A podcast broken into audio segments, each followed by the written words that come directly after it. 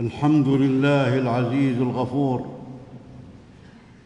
الحليم الشكور أحصى على العباد أعمالهم وسيوفيهم إياها لا يظلم مثقال ذرة وإن تك حسنة يضاعفها ويؤت من لدنه أجرا عظيما. أحمد ربي وأشكره وأتوب إليه وأستغفره وأشهد أن لا إله إلا الله وحده لا شريك له العليم بذات الصدور. وأشهد أشهد أن وأشهد أن لا إله إلا الله وحده لا شريك له العليم بذات الصدور. وأشهد أن نبينا وسيدنا محمدا عبده ورسوله. الداعي إلى كل عمل مبرور. اللهم صل وسلم وبارك على عبدك ورسولك محمد وعلى آله وصحبه صلاة وسلاما مضاعفة الأجور. أما بعد فاتقوا الله اتقوا الله بطلب مرضاته وهجر محرماته يكتب لكم رضوانه وجناته. ويجركم من غضبه وعقوباته.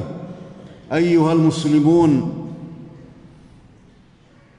إن بينكم وبين الجنة اهوالا عظاما وشدائد وكربات ولكن الله سبحانه يسهلها على المتقين ويهونها على الطائعين. وأما النار وأما النار فسبلها الشهوات المحرمات في هذه الدنيا واتباع الهوى. والنفوس والنفوس تقع في الغواية بالمغريات والملذات المحرمة. ومجاهدة النفوس على الطاعات خير من اتباع الشهوات.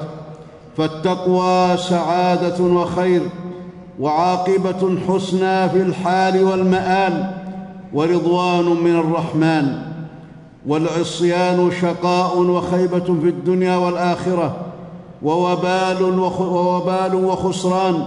قال الله تعالى تلك الدار الآخرة نجعلها للذين لا يريدون علوا في الأرض ولا فسادا والعاقبة للمتقين. وقال تعالى ويوم يعرض الذين كفروا على النار أذهبتم طيباتكم في حياتكم الدنيا واستمتعتم بها فاليوم تجزون عذاب الهون بما كنتم تستكبرون في الأرض بغير الحق وبما كنتم تفسقون. وقال سبحانه قل إن الخاسرين الذين خسروا أنفسهم وأهليهم يوم القيامة ألا ذلك هو الخسران المبين؟ لهم من فوقهم ظلل من النار ومن تحتهم ظلل. ذلك يخوف الله به عباده. يا عبادي فاتقون. وعن أبي هريرة رضي الله عنه عن النبي صلى الله عليه وسلم أنه قال حفت حفت النار بالشهوات وحفت الجنة بالمكاره. رواه البخاري ومسلم. وعن أبي هريرة أيضا عن النبي صلى الله عليه وسلم أنه قال لما خلق الله الجنة قال لجبريل اذهب فانظر إليها فذهب فنظر إليها فقال وعزتك لا يسمع بها أحد إلا دخلها فحفها بالمكاره فقال اذهب فانظر إليها فذهب فنظر إليها فقال وعزتك لخشيت الا يدخلها أحد. ولما خلق الله النار قال لجبريل اذهب فانظر إليها. فذهب فنظر إليها فقال وعزتك لا يسمع بها أحد فيدخلها. فحفها بالشهوات. فقال اذهب فانظر إليها. فذهب فنظر إليها. فلما رجع قال وعزتك لقد خشيت الا يسلم منها أحد إلا دخلها. رواه أبو داود والترمذي والنسائي. ولو تصور ولو تصور العبد ولو تصور العبد آخر كربة وأعظم عقبة تعترضه دون الجنة وتذكر, دا وتذكر ذلك دائما لأصلح حاله ولأحسن أعماله لينجو من نار الحد لينجو من نار حرها شديد وقعرها بعيد ومقامعها حديد ويفوز بجنة لا يفنى نعيمها ولا يبيد. عباد الله عباد الله ألا إن العقبة الكؤود والشدة العظمى والكرب الأكبر هو الصراط هو الصراط المضروب على متن جهنم. قضى الله وحكم ألا يدخل أحد الجنة إلا أن يمر عليه ويجتازه. والله يحكم ولا معقب لحكمه وهو سريع الحساب. ولا يجوزه أحد إلا بأعمال صالحة رضيها الله وقبلها. ومن حالت ومن حالت أعماله السيئة بينه وبين جوازه سقط في نار جهنم وبئس القرار. ولا يظلم ربك أحدا. هذا الصراط هذا الصراط جسر على جهنم. إذا وضع عليها اشتد الفزع وطارت القلوب وشخصت الأبصار ونسي كل أحد غيره حتى الأنبياء عليهم الصلاة والسلام لا يذكرون ذلك الوقت أهليهم. عن عائشة رضي الله عنها قالت ذكرت النار فبكيت. فقال رسول الله صلى الله عليه وسلم ما يبكيك؟ قلت ذكرت النار فبكيت. فهل تذكرون أهليكم يوم القيامة؟ قال أما في ثلاثة مواطن فلا يذكر أحد احدا عند الميزان حتى يعلم ايخف ميزانه أم يثقل وعند تطاير الصحف حتى يعلم أين يقع كتابه في يمينه أم في شماله أم من وراء ظهره. وعند الصراط وعند الصراط إذا وضع بين ظهري جهنم حتى يجوز. رواه أبو داود. وعن أبي هريرة رضي الله عنه وعن أبي هريرة رضي الله عنه قال قال رسول الله صلى الله عليه وسلم ويضرب ويضرب الصراط بين ظهراني جهنم فأكون فأكون أول من يجوز من الرسل بأمته ولا يتكلم يومئذ أحد إلا الرسل وكلام الرسل يومئذ اللهم سلم سلم وفي جهنم كلاليب وفي جهنم كلاليب مثل شوك السعدان. هل رأيتم شوك السعدان؟ قالوا نعم. قال فإنها مثل شوك السعدان غير أنه لا يعلم قدر عظمها إلا الله. تخطف الناس بأعمالهم فمنهم من يوبق بعمله ومنهم من يخردل. ثم ينجو رواه البخاري ومسلم. وعن أبي سعيد الخدري رضي الله عنه قال قال رسول الله صلى الله عليه وسلم ثم يضرب ثم يضرب الجسر على جهنم وتحل الشفاعة. قيل يا رسول الله وما الجسر؟ قال دحض مزلة فيه خطاطيف وكلاليب وحسكة تكون بنجد فيها شويكة يقال لها السعدان فيمر المؤمنون كطرف العين وكالبرق والريح وكالطير وكأجاويد الخيل والركاب فناج مسلم ومخدوش مرسل ومكدوس في نار جهنم رواه البخاري ومسلم.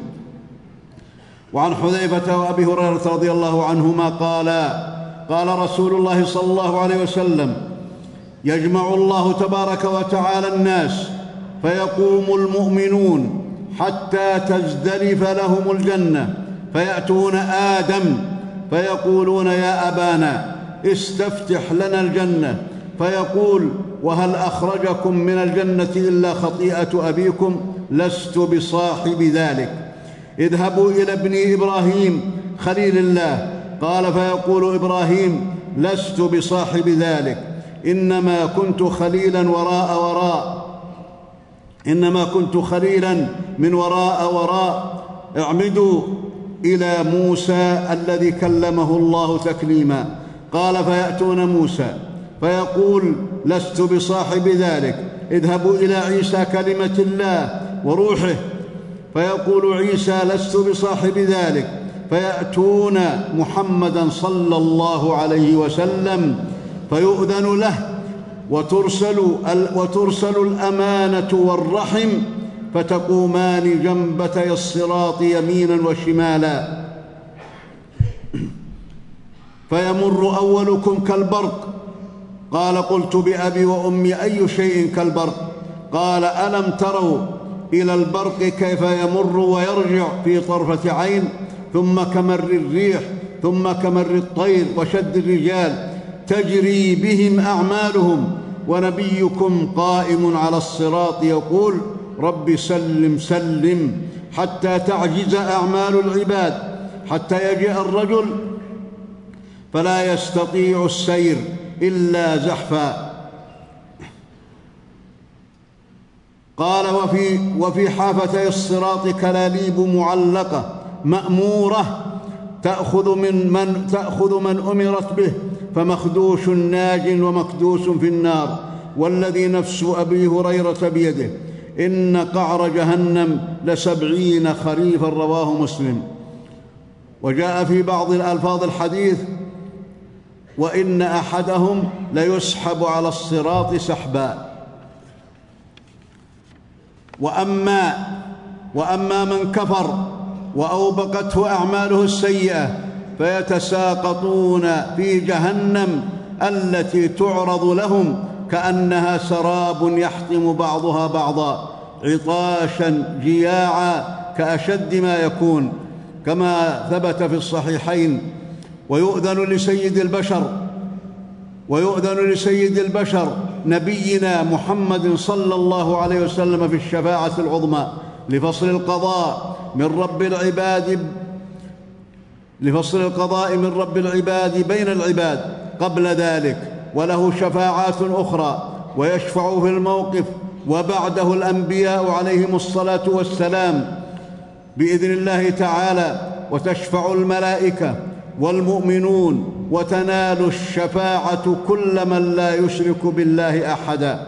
وأما المشرك وأما المشرك فلا تنفعه الشفاعة. قال الله تعالى فما تنفعهم شفاعة الشافعين حتى إن أبانا إبراهيم عليه الصلاة والسلام لا تقبل شفاعته في أبيه.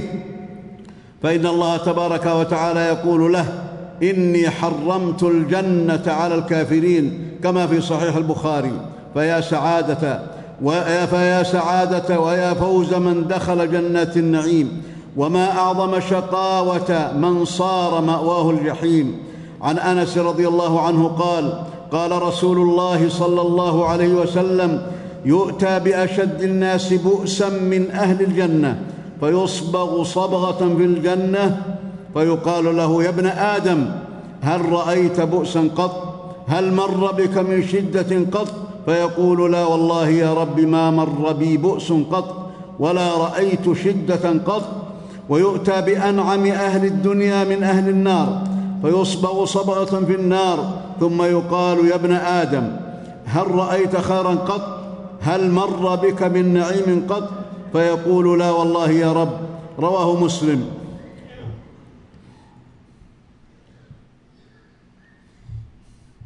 يا غافلا يا غافلا عما أمامه ويا مضيعا أيامه ويا مغترا بدنياه ويا ناسيا أخراه. يا من أسكرته الملذات والشهوات أما تستفيق قبل الممات؟ أما تعتبر بما كان لمن مضى من العقوبات أما تتعظ بما ترى من الآيات. اعلم اعلم أن الاستقامة على الصراط المستقيم في الدنيا ضمان لك على ثبوت القدم على الصراط في الأخرى والجزاء من جنس العمل. قال الله تعالى واتبعوا أحسن ما أنزل إليكم من ربكم من قبل أن يأتيكم العذاب بغتة وأنتم لا تشعرون. أن تقول نفس يا حسرة على ما فرطت في جنب الله وإن كنت لمن الساخرين. أو تقول لو أن الله هداني لكنت من المتقين. أو, أو تقول حين ترى العذاب لو أن لي كرة فأكون من المحسنين. بلى قد جاءتك آياتي فكذبت بها واستكبرت وكنت من الكافرين. ويوم القيامة ترى الذين كذبوا على الله وجوههم مسودة. أليس في جهنم مثوى للمتكبرين؟ وينجي الله الذين اتقوا وينجي الله الذين اتقوا بمفازتهم. لا يمسهم السوء ولا هم يحزنون. بارك الله لي ولكم في القرآن العظيم. ونفعني وإياكم بما فيه من الآيات والذكر الحكيم. ونفعنا بهدي سيد المرسلين وقوله القويم أقول قولي هذا وأستغفر الله العظيم لي ولكم ولسائر المسلمين من كل ذنب فاستغفروه إنه هو الغفور الرحيم.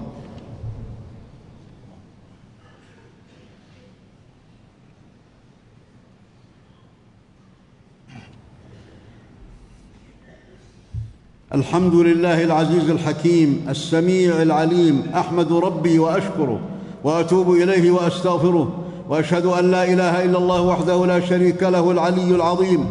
وأشهد أن نبينا وسيدنا محمدا عبده ورسوله شرح الله صدره ورفع ذكره في قوله تعالى وإنك لعلى خلق عظيم. اللهم صل وسلم وبارك على عبدك ورسولك محمد وعلى آله وصحبه الناصرين لهذا الدين القويم.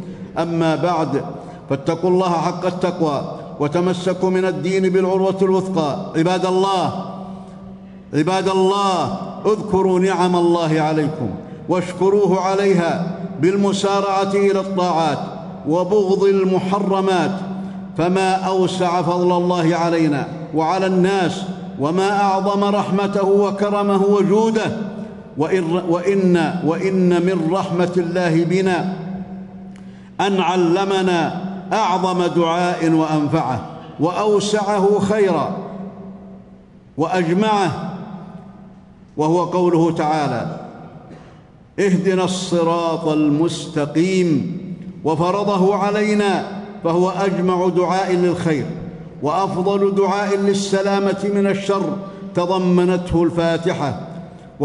وفسر الصراط المستقيم بالصراط المضروب على متن جهنم والهداية إليه بالمرور والهداية إليه بالمرور عليه بسلامة وعافية من النار وفسر الصراط المستقيم بالإسلام وفسر بمحمد صلى الله عليه وسلم.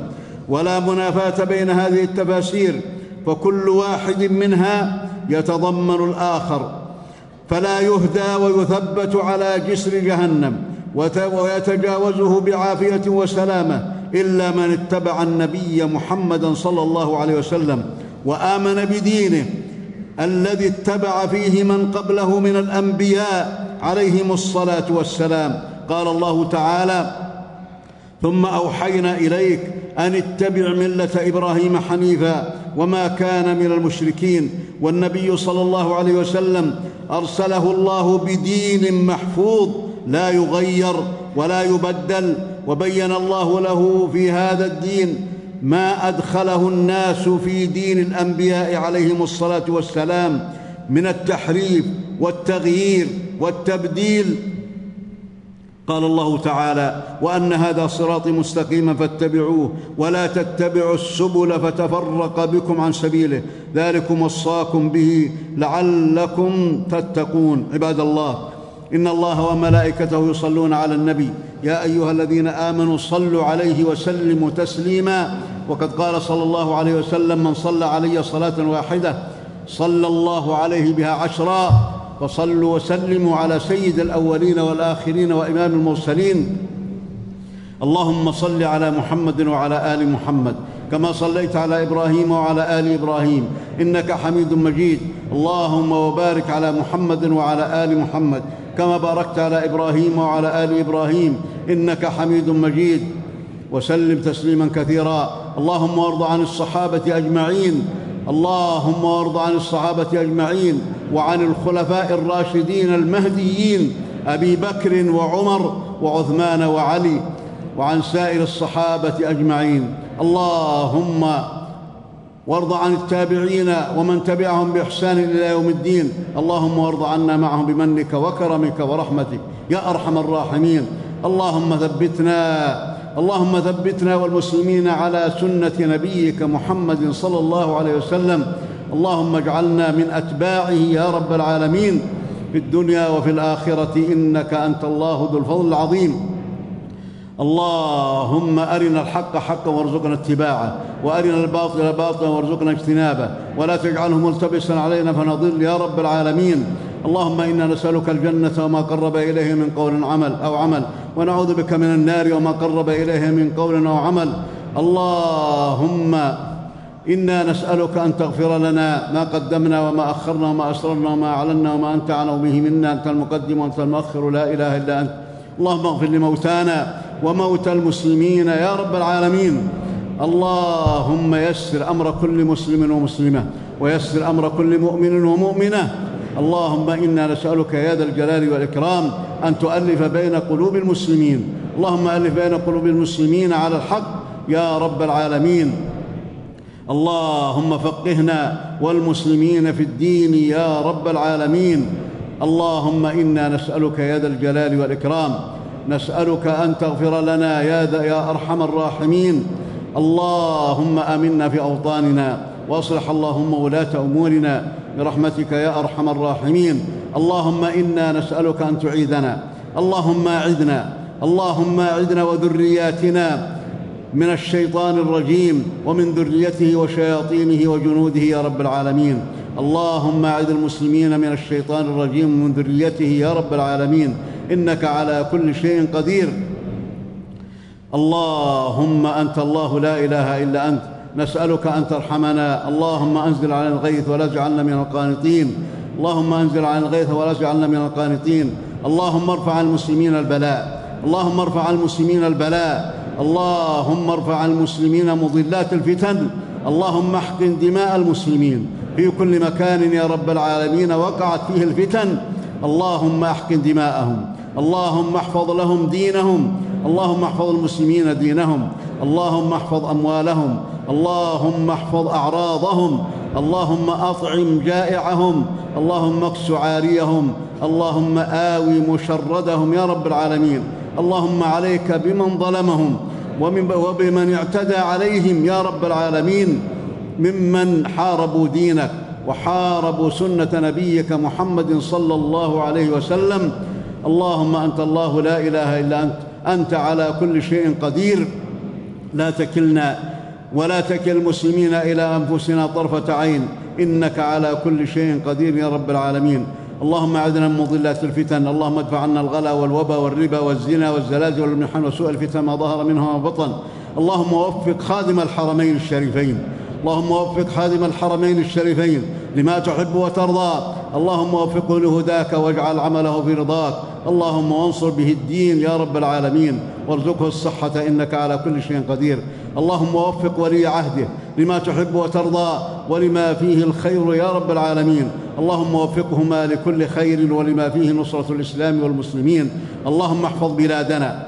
اللهم احفظ بلادنا من كل شر ومكروه. اللهم احفظ بلادنا من الظالمين. اللهم احفظ بلادنا يا رب العالمين. اللهم أعدنا من شر كل ذي شر إنك على كل شيء قدير. اللهم اعدنا من شرور أنفسنا ومن سيئات أعمالنا ومن شر كل ذي شر يا رب العالمين. عباد الله إن الله تبارك وتعالى أمركم بالإجابة بالدعاء ووعدكم الاستجابة. ربنا آتنا في الدنيا حسنة وفي الآخرة حسنة وقنا عذاب النار. عباد الله إن الله يأمر بالعدل والإحسان وإيتاء ذي القربى وينهى عن الفحشاء والمنكر والبغي يعظكم لعلكم تذكرون وأوفوا بعهد الله. إذا عاهدتم ولا تنقضوا الأيمان بعد توكيدها وقد جعلتم الله عليكم كفيلا إن الله يعلم ما تفعلون. واذكروا الله العظيم الجليل يذكركم واشكروه على نعمه يزدكم ولذكر الله أكبر والله يعلم ما تصنعون.